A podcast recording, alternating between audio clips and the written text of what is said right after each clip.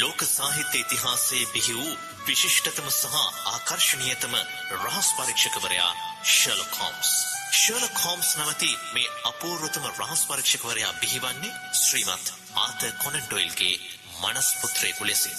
එක්දහස් නවසය හතර වර්ෂයේදී ශ්‍රීමත් ආත කොනන්ඩොයිල් විසින් ප්‍රකාශයට පත් කරන ලද The Return of Sherlock Holmes කෙටිකතා සංග්‍රහයි කෙටිකතා දහතුනක් ඇතුළත් වුණා. ඉන් එක් කතාවක් The Adventure of the Abbey Grange.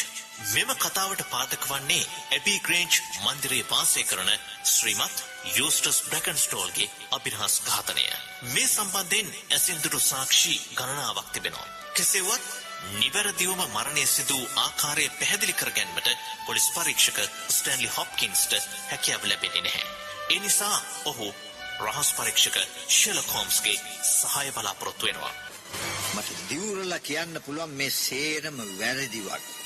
ඒත් මට මොනවද ඊට විරුද්ධව ඉදිරිපත් කරන්න තියෙන්නේ? මොනවද තියෙන්නේ? අර වයින් වීදුරු තුන විතරයි. ඒත් මම කරුණු ඒ විදිහටම පිළි නොගෙන පරීක්ෂණවල යෙදුණා නම් තත්ත්වය වෙනස් වෙන්න තිබුණා. මට තාමත් තේරුමක් නැහැ ඔබ කියන දේ ගැන. අපි මුලින්ම පටන් ගන්න ඕන වොට්සන් ආර්යාවයි ආර්යාවගේ සේවිකාවයි කියපු දේ ඇත්ත විය යුතුම නෑ කියන නිගමනය පිහිටලා. එතකොට එතකොට අපිට පේනවා සැක උපදවන අවස්ථා. මේ හොරු සෑහෙන වටින දේවල් හොරකම් කළා සති දෙකකට කලින් සිඩන් හැම්වල. ඔවුන්ගේ හැඩරුව ගැන විස්තර පත්තරවල පළ වුණා. ඔව්. ඉතින් කාට හරි කතාවක් මවන්න ඕන නම් මේ හොරුන්වත් ඒකට ගාව ගන්න පුළුවන්. ඔබ කියන්නේ නෑ මම ඉවර නෑ. සාමාන්‍යයෙන් සැලකිය යුතු හොරකමක් කළාම හොරු නිදහසේ ඒ පැහැර ගන්න වස්තුව විය පැහැදම් කරලා සතුටු වෙනවා මිසක් ඒ එක්කම තවත් ඒ වගේ අවදානම් වැඩකට අත දාන්නේ නැහැ. ඔව් ඒක ඇත්ත. ඒ වගේම හුරු මේ තරම් වේල පහ ගෙවල් වලට කඩාවදින්නෙත් නැහැ. අනික කාන්තාවක් කෑ ගැහිම වළක්වන්න ඇයට පහර දීම හොරුන් අතින් නොකේරන දෙයක්. ඇත්තටම පහර දුන්නොත් තමයි ඇය කෑ ගහන්න ඉඩ තියෙන්නේ. ඔව්. ඒක එහෙමයි. අනික Tamanට ලේසියෙන්ම විරුද්ධවාදියව අල්ලලා බඳලා දමන්න පුළුවන්කම තිබියදී. ඇයි ඔහුව එකපාරින්ම මරා දැන්? අනික හොරකම් කරගෙන යන්න වටින වස්තු ඕන තරම් තියෙනවා. ඇයි විදී භාණ්ඩ හයකින් සෑහීමටපත් තව එකක්. ඔබ හිතනවද මේ වගේ අය තමන් කඩපු වයින් බෝතලෙන් භාගයක් ඉතුරු කරයි කියලා. මේ සේරම සැකසහිත සිදුවීම්. ඔව්. දැන් බලනකොට ඒ සේරම අසාමාන්‍ය සිදුවීම්.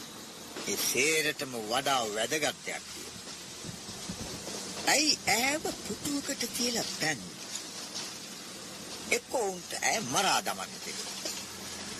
නැත්තම් ඔවුන් ගිය හැටියෙම අනතුරු අඟවන්න බැරි වෙන විදිහට හිර කරන්න දැන් ඔබට පැහැදිලි නේද ආර්යාවගේ කතාව විශ්වාස කිරීම අපහසුවක්. මේ සේරටම වඩා අදහන්න අමාරු වයින් වීදුරු සිද්ධිය. අපිට දැනගන්න ලැබුණු විදිහට මේ තුන් දෙනාම වීදුරු වලින් වයින් බීලා තියෙනවා. ඔබ හිතනවද ඒක වෙන්න පුළුවන් කියලා? ඇයි බැරි? වීදුරු තුනේම වයින් ඉතුරු වෙලා තිබුණා. හරි. ඒත් මණ්ඩි තිබුණේ එක වීදුරුවක විතරයි. ඔබට ඒ වගේ පේනෙන්න ඇති. මොකද ඔබ ඒ ගැන හිතන්නේ? අන්තිමට පුරෝප වීදුරුවේ තමයි මණ්ඩි තියෙන්නේ නැත්තේ. නෑ. බෝතලේ පිරෙන්න මණ්ඩි තිබුණා. ඒ නිසා පළවෙනි වීදුරු දෙකේ නොතිබී තුන්වෙනි වීදුරුවේ විතරක් මණ්ඩි තියෙන විදිහක් නෑ. එතකොට කොහොමද ඒක සිද්ධ වුනේ? කාරණා දෙකක් සිද්ධ වෙන්න පුළුවන්. එක පළවෙනි වීදුරු දෙක පිරෙව්වට පස්සේ බෝතලය වේගෙන් හෙලවෙන්න ඕනේ. එතකොට තුන්වෙනි වීදුරුවට මණ්ඩි වැක්කිරෙන්න පුළුවන්. ඒත් උනේ ඒකයි කියලා මම හිතන්නේ නෑ. එහෙනම් මොකක්ද උනේ? පාවිච්චි කළේ වීදුරු දෙකයි. දෙකේම ඉතුරු වුණු වයින් තුන්වෙනි වීදුරුවකට වක් කළා. තුන් දෙනෙක් හිටියයි කියන වැරදි විශ්වාසය ඇති කරා. එතකොට ඔක්කොම මන්දි වැටෙන්නේ තුන්වෙනි වීදුරුවට. ඒකයි සිද්ධ වුනේ. මොකක්ද එහෙම කරන්න හේතුව? නියම අපරාධකාරයා වසන් කරන්නේ දෙන්නට ලොකු ඌමනාවක් අපිට තියෙන හේතු හොයන එකයි වත්සන්. අපි ඊළඟ දුම්රිය පොලින් බැහැලා චිසල්හර්ස් බලායන කෝච්චිය අල්ලගමු.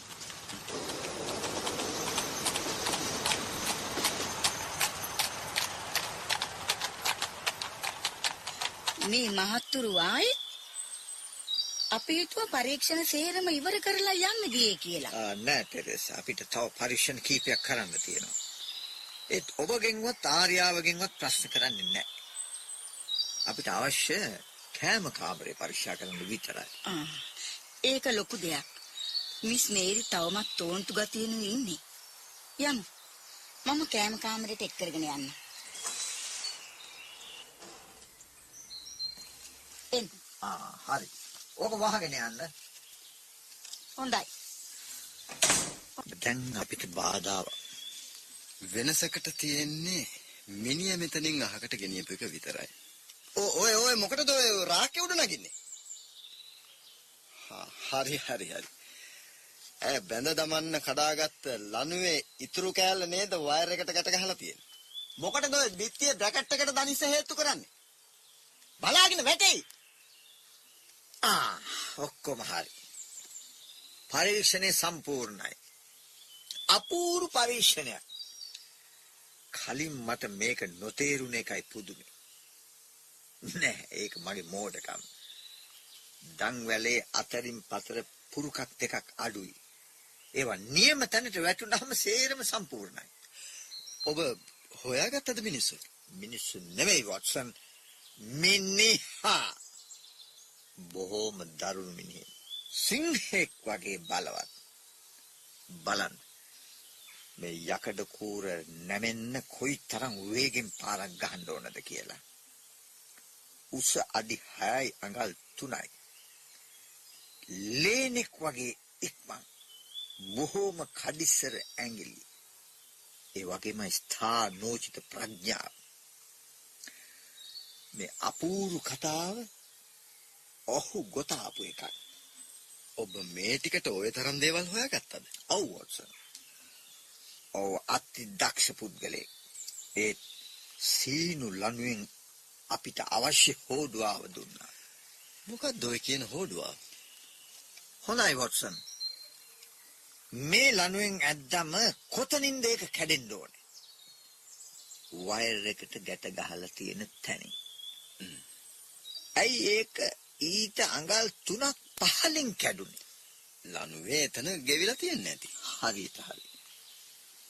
මේ බිම තියෙන කොන ගෙවිලා. Tamange අතේ තිබුණ පිහියෙන් ඒක ගෙවුණුවක මවාපාන්න තරම් ඔහු කපටියි.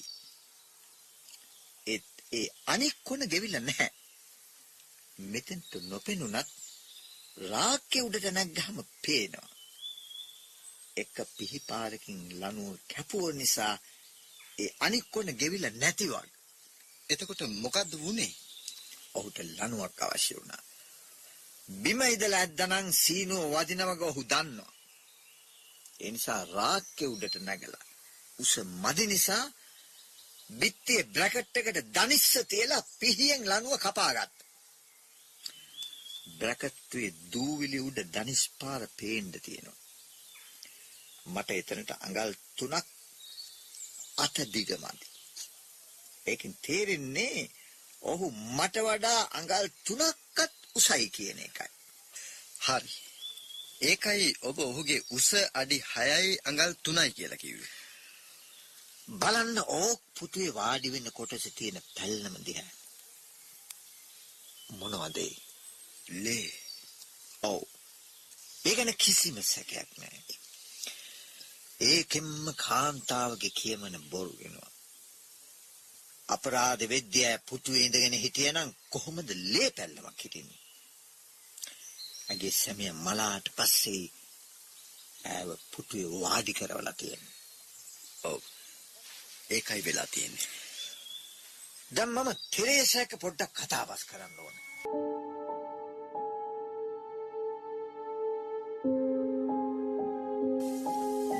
මොටද බොරු කියන්නේ? මාගේ නම් ඔය හාම් පුතා ගැන කිසිම ලෙන්ගතුකමක් තිබුණේ මොකද එහෙම වෙන්න හේතුව? හේතු කොච්චරවත් තියෙනවා. මට ඩිගෙන්ටරෙන් දමලා ගැහුව එක මෙහෙමයි උනේ. අපේ මැඩම්ට කැත විදියට බැන වැදුනා. මට බලා ඉන්න බැරි තැන මම කිව්වා මැඩම්ගේ සහෝදරයා හිටියා නම් ඕවා කියන්න ඉඩ දෙන්නේ නැහැ කියලා. ඒ තරහට තමයි ඩිගෙන්ටරෙන් දමලා ගෙව්වේ. මට මොනවා කළත් කමක් නැහැ. මැඩම්ට කරදර නොකර හිටියනම් නිතරම එහෙම කළාද? මොනවා කියනවද හරියට වද දුන්නා. නම්බුකාර කමට කාටවත් නොකිය හංගගෙන හිටියා. මටවත් කිව්වේ නෑ. මැරිච්ච මිනිසුන්ට දොස් කියන්න නරකයි. ඒත් නියම යක්ෂයෙක්. වෙන මොනවද ඔය ගැන කියන්න පුළුවන්? මොනවද 18 මාසයකට කලින් මෙහි ආවා විතරයි චාටු බස් කියලා රවට්ට ගත්තා. කවදාවත් gederin පිට නොවෙච්ච දරුවනි තරාතිරමට කාසිබාගෙට රැවටුණා. වෙච්ච වරදට බොහොම තදින් වන්දි ගෙව්වා. ඒ මාස 18 හරියටම අවුරුදු 18ක් වගේ. අපිට ආයෙත් පොඩ්ඩකට මැඩම්ව හම්බ වෙන්න පුළුවන්ද? බැරි කමක් නෑ. මං එක්ක යන්න. හැබැයි කරදර කරලා හෙම්බත් කරන්න එපා. යන්. මං ආයේ ඇහි බැම උඩ තවන්නද මැඩම්? නෑ. පස්සේ පුළුවන්. ඔබ ආවේ ආයෙත් මගෙන් හරස් ප්‍රශ්න අහන්න නෙවෙයි කියලා හිතනවා. නෑ ලේඩි බ්‍රැකන්ස්ටෝල්. මට අවශ්‍ය ඔබේ කටයුතු පහසු කරන්න. ඔබ බොහෝම වෙහෙසටපත් කාන්තාව බව දන්නවා. මාව මිත්‍රෙක් විදියට සලකලා මා කෙරෙහි විශ්වාසය තිබ්බොත් මං ඒ විශ්වාසය කඩ කරන්නේ නෑ. වාඩි වෙන්න. මම මොනවද කරන්න ඕන? මට ඇත්ත කියන්න. මිස්ටර් හෝම්ස් බොරු කරලා වැඩක් නෑ. මම දන්නවා ඔබේ කතාව ගිතු එකක් වගේ. ඔබ කිසිම ගරුසරුවක් නැති කෙනෙක්. මගේ ස්වාමි දුව බොරුකාරිය කියලාද කියන්නේ? ඔබට මට කියන්න වෙන කිසිම දෙයක් නැද්ද? මම හැම දෙයක්ම කිව්වා. නැවත වතාවක් හිතලා බලන්න. අවංක වෙන එක වඩා හොඳ නැද්ද? මම මම නෑ මම දන්න හැම දෙයක්ම මම කිව්වා. එහෙමද? හ්ම්.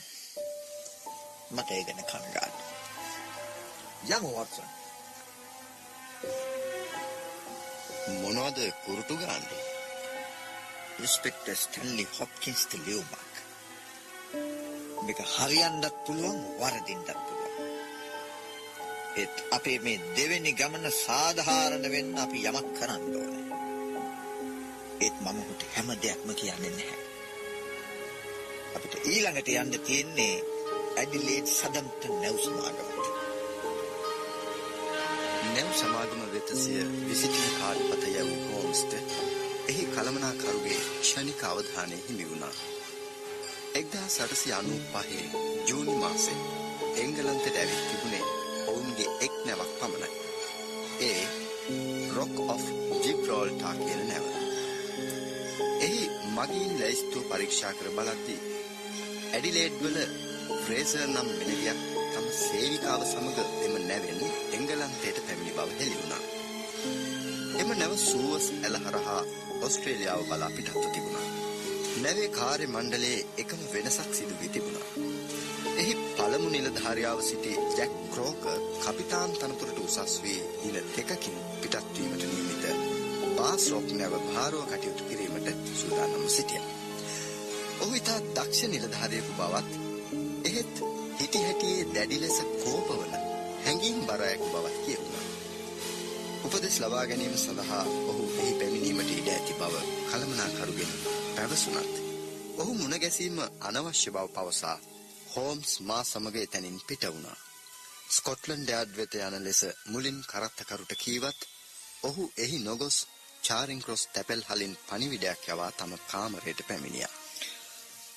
මට ඒ කරන්න හිත දුන්නේ නෑ වොට්සන්. වරෙන්තුවක් නිකුත් කළා නම් ඔහුට කවදාවත් ගැලවීමක් නෑ. මෙහෙම තැනකදී බොහෝම ඉවසීමෙන් හෙවිල්ලෙන් බැලිල්ලෙන් කටයුතු කරන්න අපි පුරුදු වෙන්න ඕනේ. එන්න ඇතුළට. ඕ ඉන්ස්පෙක්ටර් හොප්කින්ස්. මිස්ටර් හෝම්ස් ඔබ නම් විද්‍යාකාරයෙක්. මට වෙලාවකට හිතෙනවා ඔබ පිටුපස අදෘශ්‍යමාන බලවේගයක් තියෙනවද කියලා. ඔබ කොහොමද දැනගත්තේ අර හොරකම් කරපු රිදී භාණ්ඩ ගේ දොරකඩ පොකුණ පතුලේ තිබුණා වගේ? මම දැනගෙන හිටියේ නැහැ. ඒත් ඔබ මට කිව්වා පොකුණ පරීක්ෂා කරලා බලන්න කියලා. එහෙනම් ඔබට ඒ ලැබුණද? ඔව්. මට ඔබට උදව් කරන්න ලැබීම ගැන සතුටුයි. ඔබ මට උදව් කළේ නෑ. තත්ත්වය තවත් අවුල් කළා මිසක්. මොන හොරාද Taman හොරකම් කරපු රිදී රංගම තියෙන පොකුණට වීසි කරලා යන්නේ. මම කල්පනා කළේ රිදී භාණ්ඩ හොරකම් කළේ ඒවා අනවශ්‍ය කෙනෙක් අනිත්‍යව නොමග යවන්න නම් ඔව් හැකි ඉක්මනින් ඒවා වීසි කරලා දානව නේද කියන එකයි. ඒත් මොකක් නිසාද ඔබට එහෙම හිතුනේ? මට හිතුණා එහෙම වෙන්න ඉඩ ඇති කියලා. ඔවුන් ජනේලෙන් එළියට එනකොටම පොකුණ හම්බ වෙනවා. ඔවුන්ගේ ඇස් ඉදිරියේම ඔවුන් පොළබෝන විදියේ හිලක් හැදිලා තියෙන අයිස් වල. ඉතින් ඒවා හංගල තියන්න ඊට වඩා සුදුසු තැනක් තියනවාද? හංගල තියන්න තැනක්. අන්න ඒක වෙන්න පුළුවන්. දැන් මට පැහැදිලි. වෙලාව වේල පහ වැඩි. පාරවල වල මිනිස්සු ඉන්නවා. රිදී බඩු අතේ තියාගෙන ඉන්නවා ඒ මිනිස්සු දකිනවට ඔවුන් බය වුණා. ඒ නිසා පොකුණට බැස්සුවා තත්ත්වය යහපත් වුණාම අපහු ගන්න. අපෝ මිස්ටර් හෝම්ස්. ඒක හොඳයි අර කලින් කිව්ව නොමග යවන අදහසට වැඩි. හරියට හරි. ඔබේ මතය අපූරුයි. මගේ අදහස අදහන්න බැරි එකක් වෙන්න ඇති. ඒත් ඒකෙන් අන්තිමේ රිදී ටික හම්බ වුණු වගේ ඔබ පිළිගන්න ඕන. ඔව් ඔව්. ඒ ඔබ නිසා. ඒත් විශාල පසුබෑමක් ඇති වුණා. පසුබෑම ඔව්. අද උදේ නිව්යෝක් වලදී රැන්ඩල් හොර කණ්ඩායම අත්අඩංගුවට ගත්තා. හැබැයි එහෙමනම් ඔවුන් ඊයේ රෑ කෙන්ට් වල මිනිමැරුමක් කළා කියන ඔබේ මතය බිඳ වැටෙනවා. ඒක අන්තිම ධර්ම තත්ත්වයක්. ඒත් රැන්ඩල් ඇරුණාම තව හොරු තුන් දෙනාගේ කණ්ඩායම් තියෙනවා. සමහර විට පොලිසිය නොදන්න අලුත් කට්ටියක් වෙන්නත් ඉඩ තියෙනවා. හරියට හරි. ඒක වෙන්න හොඳටම ඉඩ තියෙනවා. ඔය ඔබ යන්නද? ඔව් මිස්ටර් හෝම්ස්. මේකේ පතුලටම කිඳා බහිනකන් මට කිසිම සැනසීමක් නැහැ. ඔබට බැරිද මට හොඩුවාවක් දෙන්න? මං එකක් දුන්නා. මොකද්ද? මං කිව්වේ නොමග යවීමක් ගැන. ඒත් ඇයි? අන්න ඒක තමයි ප්‍රශ්නේ. ඒත් ඒ ගැන හිත යොදවන්න. ඒක යමක් ගැබ් වෙලා තියෙන්න පුළුවන්. හොඳයි. එවනම් සුබ රාත්‍රියක්. යමක් සිද්ධ වුණොත් මට දන්නම්. ඇයි ඔබ වෙලාව බැලුවේ? මම අමුත්තෙක් බලාපොරොත්තු වෙනවා. කොයි වෙලාවට? තව සුළු මොහොතකින්. ඔබ හිතන්න ඇති මම ඉන්ස්පෙක්ටර්ට අසාධාරණයක් කළා කියලා. මම හිතනවා ඔබේ තීරණය නිවැරදි කියලා. බුද්ධිමත් පිළිතුරක්. අපි මේ ගැන මෙහෙමයි හිතන්න ඕනේ වොට්සන්. මම දන්න දේ පෞද්ගලිකයි. ඔහු දන්න දේ රාජකාරියට යටත්. මට පෞද්ගලික තීරණයක් ගන්න අවකාශ තියෙනවා. ඔහුට නැහැ. සියල්ල අනාවරණය නොකොළොත් ඔහු සේවයට ද්‍රෝහියෙක් වෙනවා. ඒ ඔහු තමයි. එන්න ඇතුළට. බොහෝම කඩවසන් කඩිසර කැපී පෙනෙන කෙනෙක්. වාඩි වෙන්න කැප්ටන් ක්‍රෝකර්. මගේ ටෙලිග්‍රෑම් එක ලැබුණානේ. ඔව්. ඔන්න මම ඔබ කියපු වෙලාවටම ආවා.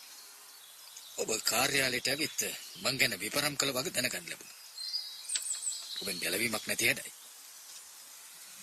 මං ඕන එකකට ලැහැත්ති. මොකද කරන්න හදන්නේ? මාව අත්අඩංගුවට ගන්නද? කතා කරන්න. ඔතන ඉඳගෙන බලලෙක් මීයක් අල්ලගෙන සෙල්ලම් කරනවා වගේ මම ඒක සෙල්ලම් කරන්න එපා. දෙන්න අත. ඔහුට සුරුට්ටුවක් දෙන්න වොට්සන්. ඕක පත්තු කරගන්න කැප්ටන් ක්‍රෝකර්. නොසන්සුන් වෙන්න අවශ්‍ය නැහැ. ඔබ නිකම්ම නිකන් අපරාධකාරයෙක් කියලා හිතුවනම් මම ඔබත් එක්ක මෙහෙම එකට වාඩි වෙලා සුරුට්ටු බොන්නේ නැහැ. ඔබ ඇත්ත කතා කළොත් ප්‍රශ්නයක් නැහැ. රැවටිලි කරන්න ගියොත් මට තදින් ඉන්න වෙනවා. මොකද්ද මං කරන්න ඕනේ? ඊයේ රෑ අබේ ග්‍රේන්ජ් වලදී වෙච්ච සිද්ධිය. අකුරක් නෑර කියන්න. නැති දේ ඈඳන්නත් ඇති දේ ඉවත් කරන්නත් බැහැ. එහෙම වුණොත් කරදර වෙන්න වෙයි. දැනට මම දන්න කරුණු ඇති ඔබ අත්අඩංගුවට ගන්න. හොඳයි. ඔබ එක වචන මිනිහෙක් කියලා මම විශ්වාස කරනවා. මම මුල් කතාවම කියන්න. ඒත් මුලින්ම එකක් කියන්න ඕනේ. මං ගැන මගේ කිසිම බයක් කනගාටුවක් නැහැ. ඒ දේ ආයෙත් කරන්න මම පැකිලෙන්නේ නැහැ. මං ඒ ගැන ආඩම්බර වෙනවා. ඒත් මේරිට අහිංසක මේරිට කරදරයක් වෙන්න ඉඩ තියන්න බෑ මට. හොඳයි. ඔබේ කතාව කියන්න. මට ඇයි මුලින්ම මුණ ගැහුනේ රොක් ඔෆ් ජිබ්‍රෝල්ටා නැවේදී. ඒ දැකපු පළවෙනි මොහොතේම මගේ හිත ඇවිත් ඇතිලා ගියා. අපි අතර විවාහ පොරොන්දුවක් ඇති වුණේ නැහැ. මං ඇයට ආදරය කළාට ඒකේ තිබුණ සාමාන්‍ය හිතවත්කමක් විතරයි. ඇය නැවෙන් බැහැලා ගියේ නිදහස් ගෑණියෙක් විදියට. ඒත් මට ආයෙත් කවදාවත් නිදහස් මිනිහෙක් වෙන්න බැරි වුණා. ඔව් කියන්න කතාව දිගටම. ඊළඟ වතාවේ කොට බහැපු වෙලාවේ මට ඇගේ විවාහය ගැන දැනගන්න ලැබුණා. ඔව්. ඇයි? ඇයට බැරි තමන් කැමති කෙනෙක් එක්ක විවාහ වෙන්න. ඔව් ඇත්ත. තත්ත්වය. තරාතිරම. කාසිභාගේ. ඇයට වඩා තවත් සුදුසෙක් ඉන්නවද ඒවා ලබන්න? ඇය උපතින් මේ වටේ හිමිකාරියක්. මම ඇගේ විවාහය ගැන දුක්ුණේ නෑ. මං ඒ වගේ ආත්මාර්ථකාමී කෙනෙක් නෙවෙයි. එහෙමයි මං ඇයට ආදරය කළේ. ඔව් ඒක තමයි නියම ආදරය. මම ආයෙත් ඇයව දකින්න බලාපොරොත්තු වෙන්නේ ඒත් ගිය වතාවේ මට උසස් වීමක් ලැබුණා. අලුත් නැවි වැඩ ඉවර වෙන තුරු මට මාස කිහිපයක් බලා ඉන්න සිදු වුණා. දෛවේ. දවසක් මට තෙරේසා මුණ ගැහුණා. ඒ බදු යක්ෂයෙක්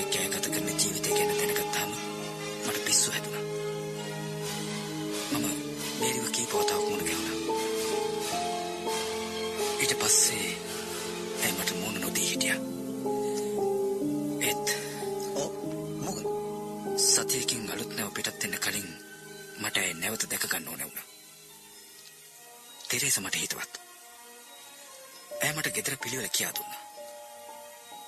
මේරි රෑ වෙනකන් ඇහැරගෙන පොත් කියවන වගේ මට කිව්වා. මම ජනේල් ළඟට ගිහින් ජනේලට තට්ටු කළා. ඒ මේ සිද්ධිය වුණ දවසේ. මුලින් ඇය ජනේලේ ඇරි නෑ.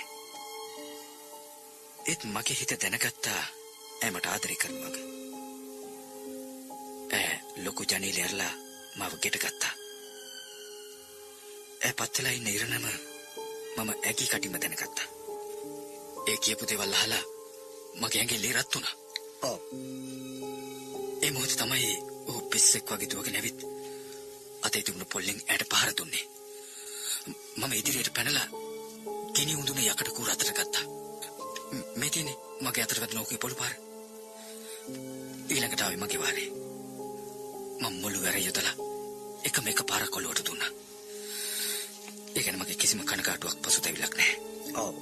ඊට පස්සේ මොකද වුනේ?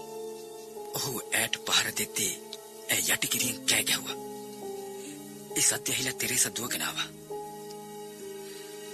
රාක්කේ උඩ වයින් බෝතලයක් තිබුණා.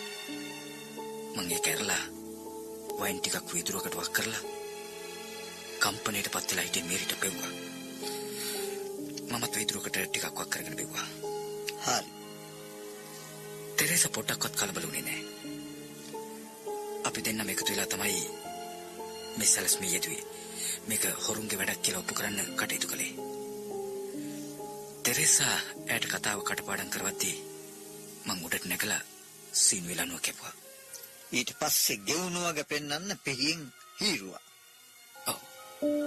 නැත්තම් කෙනෙක් හිතයි හොරෙක් කොහොමද මේක කපන්න උඩට නැගගත්තේ කියලා.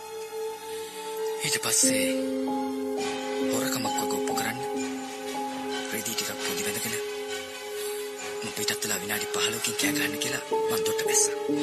ඒ ටික පොකුණට විසි කළා.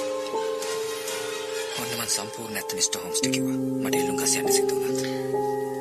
දන්නවා අකුරක් පාසා ඇත්ත වගේ. ඔබ මන් නොදන්න දෙයක් මට කිව්වේ නැහැ. පළපුරුදු නැවියෙකුට මිසක් අර විදිහට උඩට නැගලා ඒ ලණුව කපන්න බෑ. ඒ විදිහට ගැට දාන්න දන්නේ නැවියෙක් විතරයි.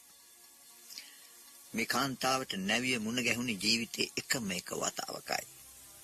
ඒ මේ එංගලන්තයට ආගමනේදී. දැන් නම් පැහැදිලි. ආ, මේ වගේ වසන් කරන කත් කිරීමෙන් එළි වුණා. මේ හමු වුණු අය ඇගේම පන්ති අයෙක් වගත්.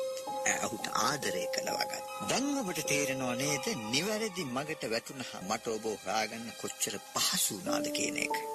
මං හිතුවා පොලිසියට කවදාවත් මේ වගේ දැනගන්න ලැබෙන එකක් නැහැ කියලා. ඔවුන් දන්නේ නැහැ.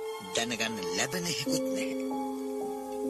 ඒත් කැප්ටන් මේක දරුණු අපරාධයක් මම පිළිගන්නවා මේ හදිසි කෝපය නිසා සිදු වුණු එකක් වගේ ඕනම මිනිහෙක් මේ තත්ත්වයට පත් වුනහම ඔබ කළ දේ කරන්න ඉඩ ඇති වගේ අනික මේ ඔබ තම ආත්ම ආරක්ෂාව අපේක්ෂාවෙන් කළ දෙයක් ඒත් ඒ තීරණය කළ යුත්තේ බ්‍රිතාන්‍ය ජූරි සභාවක් මගින් ඒ කියන්නේ මෙය මම ඔබට පැය 24ක කාලයක් දෙන්න අතුරුදහන් වෙන්න. එතකොට ඔබට ප්‍රශ්නයක් නැහැ. ඊට පස්සේ සේරම එළිදරව් වෙනවා. ඔව් නැතුව මොන විදියේ කැත යෝජනාවක්ද ඒක?